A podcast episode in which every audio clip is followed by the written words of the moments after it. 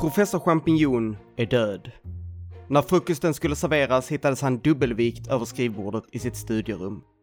Professorn var till åren kommen och försummade inte sällan sömnen till förmån för att fortsätta sitt arbete natten igenom.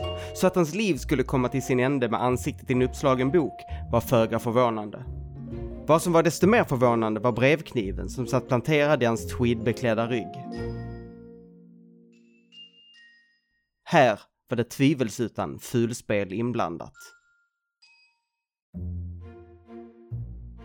Det dröjde inte länge innan professorns herrgård ironiskt nog myllrade av liv.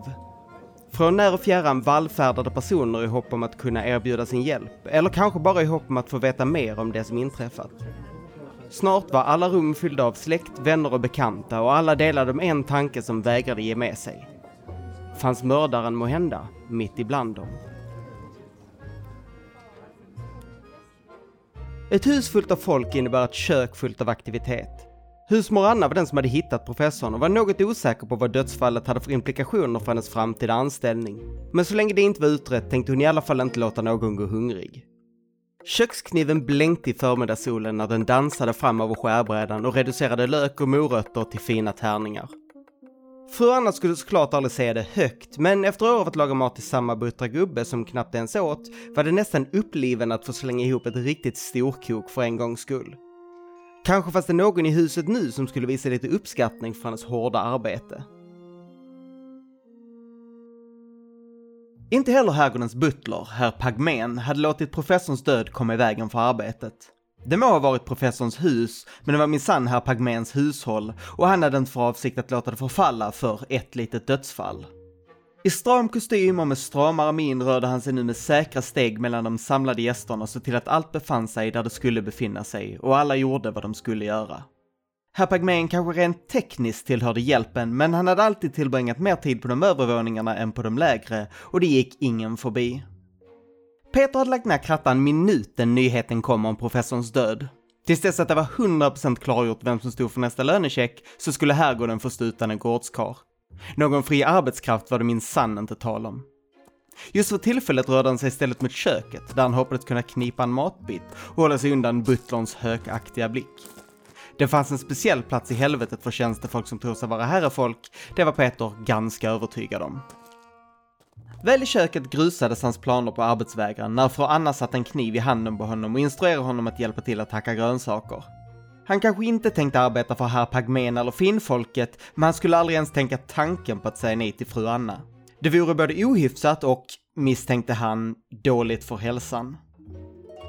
Den överlag så rigida uppdelningen mellan husets två skikt fick ett andra undantag för dagen när en man i en skir, laxfärgad skjorta klev in i köket med en dramatisk suck.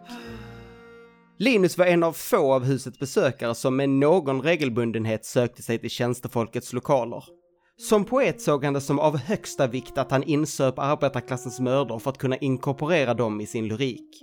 Något arbetarklassen själva var bestämt kyligt inställda till. Med ännu en dramatisk suck slog han sig ner på en stol i närheten av köksarbetet, såklart utan att själv erbjuda sin hjälp. Insupandet gjordes trots allt bäst från en observatörs position. Han öppnade omsorgsfullt en läderinbunden anteckningsbok vars sidor vittnade om en bristande förståelse för både rim och versmått som skulle göra det svårt för honom att fortsätta leva som poet utan professorns patronage och började ta fatt beskriva tomaternas röda färg. Två våningar upp utanför professorns kontor fanns en skylt som informerade herrgårdens besökare om att rummet var avspärrat. En mindre trupp av lokala konstaplar hade redan finkammat rummet efter ledtrådar och tagit med sig kroppen därifrån, men rummet var fortfarande en aktiv brottsplats. Vilket Ludvig såklart inte hade brytt sig det minsta om. Med dörren låst bakom sig var han nu i full färd med att söka igenom sin brors många skåp i jakt på finvisken han var säker på att han hade gömt undan. Hans ögon var rödsprängda, ett resultat inte av sorgfyllda tårar, utan en gårdagskväll tillbringad på ett lokalt etablissemang till lika delar fyllt av alkohol och tobaksrök. Huruvida han faktiskt sörjde sin bortgångne bror och sina föräldrars favoritson hade han ännu inte hunnit reflektera över och det skulle få vänta tills han fått i sig ett glas dricka. Av husets nuvarande gäster var det inte många med något djupare intresse för böcker, så professorns före detta assistent, docent Hallberg Björklund, fick ha husets bibliotek för sig själv. Hon stod och lät blicken vandra över hans samling av ovärderliga original som universitetet där hon nu jobbade på sin egen doktorsavhandling bara kunde drömma om. Det var inte utan att hon saknade att ha professorns inte oansenliga tillgångar till sitt förfogande. Vad hon däremot inte saknade var att stå i hans ständiga skugga och att inte ens få sitt namn med på publikationer fulla av hennes egna upptäckter. Rummets tystnad bröts när en stadig stämma deklarerade att han minsann inte sett ett bibliotek som detta sedan han drack te tillsammans med den butanska prinsen i dennes privata slottsbibliotek. Nikolas av Sintorn klev in i biblioteket med ett glas av professorns mindre, men fortfarande ganska fina whisky i varje hand. Han sträckte ett av glasen mot docenten som skakade på huvudet varpå han ryckte på axlarna och slog samman innehållet av de två glasen i ett. Nicholas hade varit i full färd att planera en resa till Kap Horns sydligaste spets när nyheten om professorns bortgång nått honom, varpå han genast la planerna på is och begav sig mot herrgården. Han levde sitt liv huvudsakligen på resande fot och hade besökt alla världens hörn både en och två gånger, men såg alltid till att hälsa på professorn när han var i närheten. En gång i tiden hade han rest på professorns peng då professorn behövde någon som kunde resa ut i världen och hämta hem diverse exemplar och prover, och Nicholas aldrig sa nej till en resa. Deras överenskommelse hade kommit till ända när det stod klart att deras syn på vetenskaplig rigör stod i bjärt kontrast till varandra och professorn tröttnade på att få hem sällsynta djurarter bevarade i strårom.